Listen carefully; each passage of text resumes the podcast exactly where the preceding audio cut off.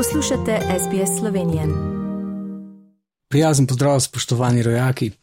Najmanj trije dela prosti dnevi nas zaradi praznikov čakajo od prihodnjega tedna naprej, ker bo to obdobje krajših šolskih počitnic, pa to pomeni, da bo veliko družin to povezalo z nekaj dnevi dopusta in si počitnice podaljšalo od 11 pa vse tja do 16 dni, tja do 2. maja.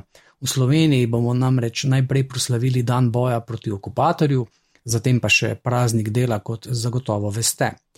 Potem, ko si je Slovenija v strategiji razvoja vozil na alternativni pogon zadala cilj, da bo po letu 2030 prepovedala registracijo novih vozil na dizel ali benzin, je nedavno v evropski razpravi pritrdila predlogu, da se ta letnica revidira na 2035, toda trgovinska zbornica je opozorila, da osnutek nacionalnega energetskega in podnebnega načrta navaja, da bi se ta proces začel že leta 2025, torej čez dve leti, kar v državni načrt vnaša kar nekaj zmede. Sekcija za osebna motorna vozila pri trgovinski zbornici Slovenije je tako sporočila, da se ne strinja s predlogom, saj Slovenija ni dovolj pripravljena na električno mobilnost.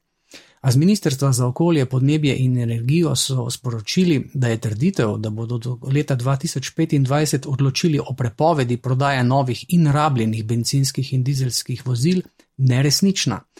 Dokument, na katerega se sklicuje trgovinska zbornica, namreč ni nastal na ministrstvu, temveč na inštitutu Jožef Stefan, zato se od njega ograjujejo. Kakorkoli Slovenija bo tako ukrep sprejela, ko bo ta usklajen na ravni Evropske unije, ta pa bo svojo strategijo revidirala čez tri leta, če gospodarski in razvojni kazalniki ne bodo ugodni, pa bo rok za prehod na električno mobilnost še podaljšan.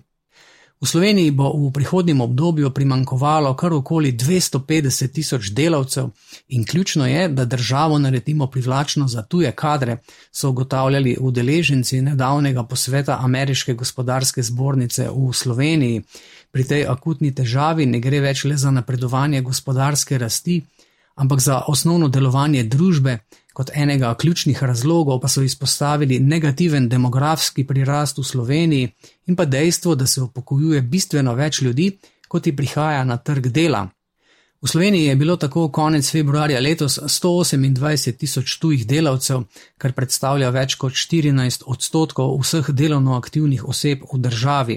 Gospodarstvo že dolgo opozarja na predolge in zapletene postopke pri zaposlovanju tujcev, Zato je vlada z nedavno novelo zakona o tujcih nekoliko olajšala te postopke.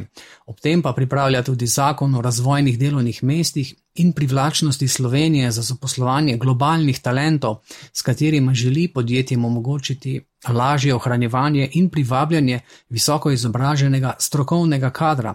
Gospodarstvo to pozdravlja kot nujne ukrepe, pa vidi še uvedbo davčnih spodbud, socialno kapico, učinkovito reševanje stanovanskih problemov, ukrepe za privabljanje digitalnih nomadov in dolgoročno strategijo zaposlovanja tujcev.